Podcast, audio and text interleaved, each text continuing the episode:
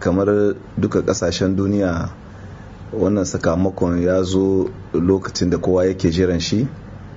Zaben ya gudana yadda kowa yake tsammani ya gudana cewa cikin kwanciyar hankali kuma ya ba ma amurkawa damar su zaɓu shugaban ƙasansu allah ya sa wannan ɗan takarar donald trump shi ya ci nasara kenan. Muna yi ma amurka barka.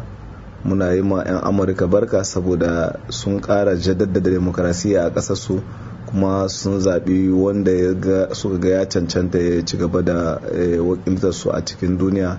Kenan muna musu murna muna musu barka. Muna fatan allah ubangiji ya sa tafiyar da mulki a ƙasashen amurka da ƙasashen duniya duka ya kasance wanda za a yi amfanin talakawa. Kuma ga wadda zaɓen ya gudana. Har aka zo za a yi shi babu tabbataccen cewa wannan ne za a yi cin nasara ko wannan za a yi cin nasara. Suna jan juna kuma allah ya sa yau da safiyar ya tabbata shine donald trump shugaban ƙasar amurka.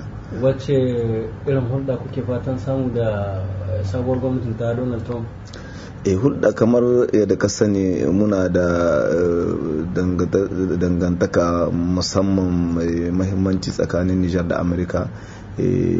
Cewa da fannin tattalin arziki da kuma shiga da fita na 'yan ƙasar nijar da 'yan ƙasar amurka ya ci gaba da ya kamata har dai da ya kasance a wannan lokacin da ƙasar nijar ta ƙara ba ma kamar a wannan lokacin da ya kasance muka shiga wani hali na da ya danganci da magana tsaro da kwanciyar hankali muna fatan allah ubangiji ya sa za mu ci gaba da wannan hulɓa. Kausa amurkawa suna nan cikin mu suna taimakawa ta wajen labaru.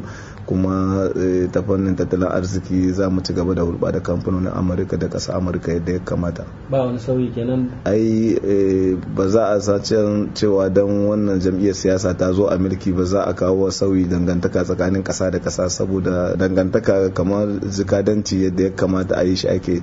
Wanda za a yi zo nan zai zo da sunan amurka waɗanda suke can amurka da sunan nijar za su zama da sunan nijar. Za a ci gaba da hulɓa tsakanin ƙasa da ƙasa ba wani abu ne wanda za a samu babban sauyi ba.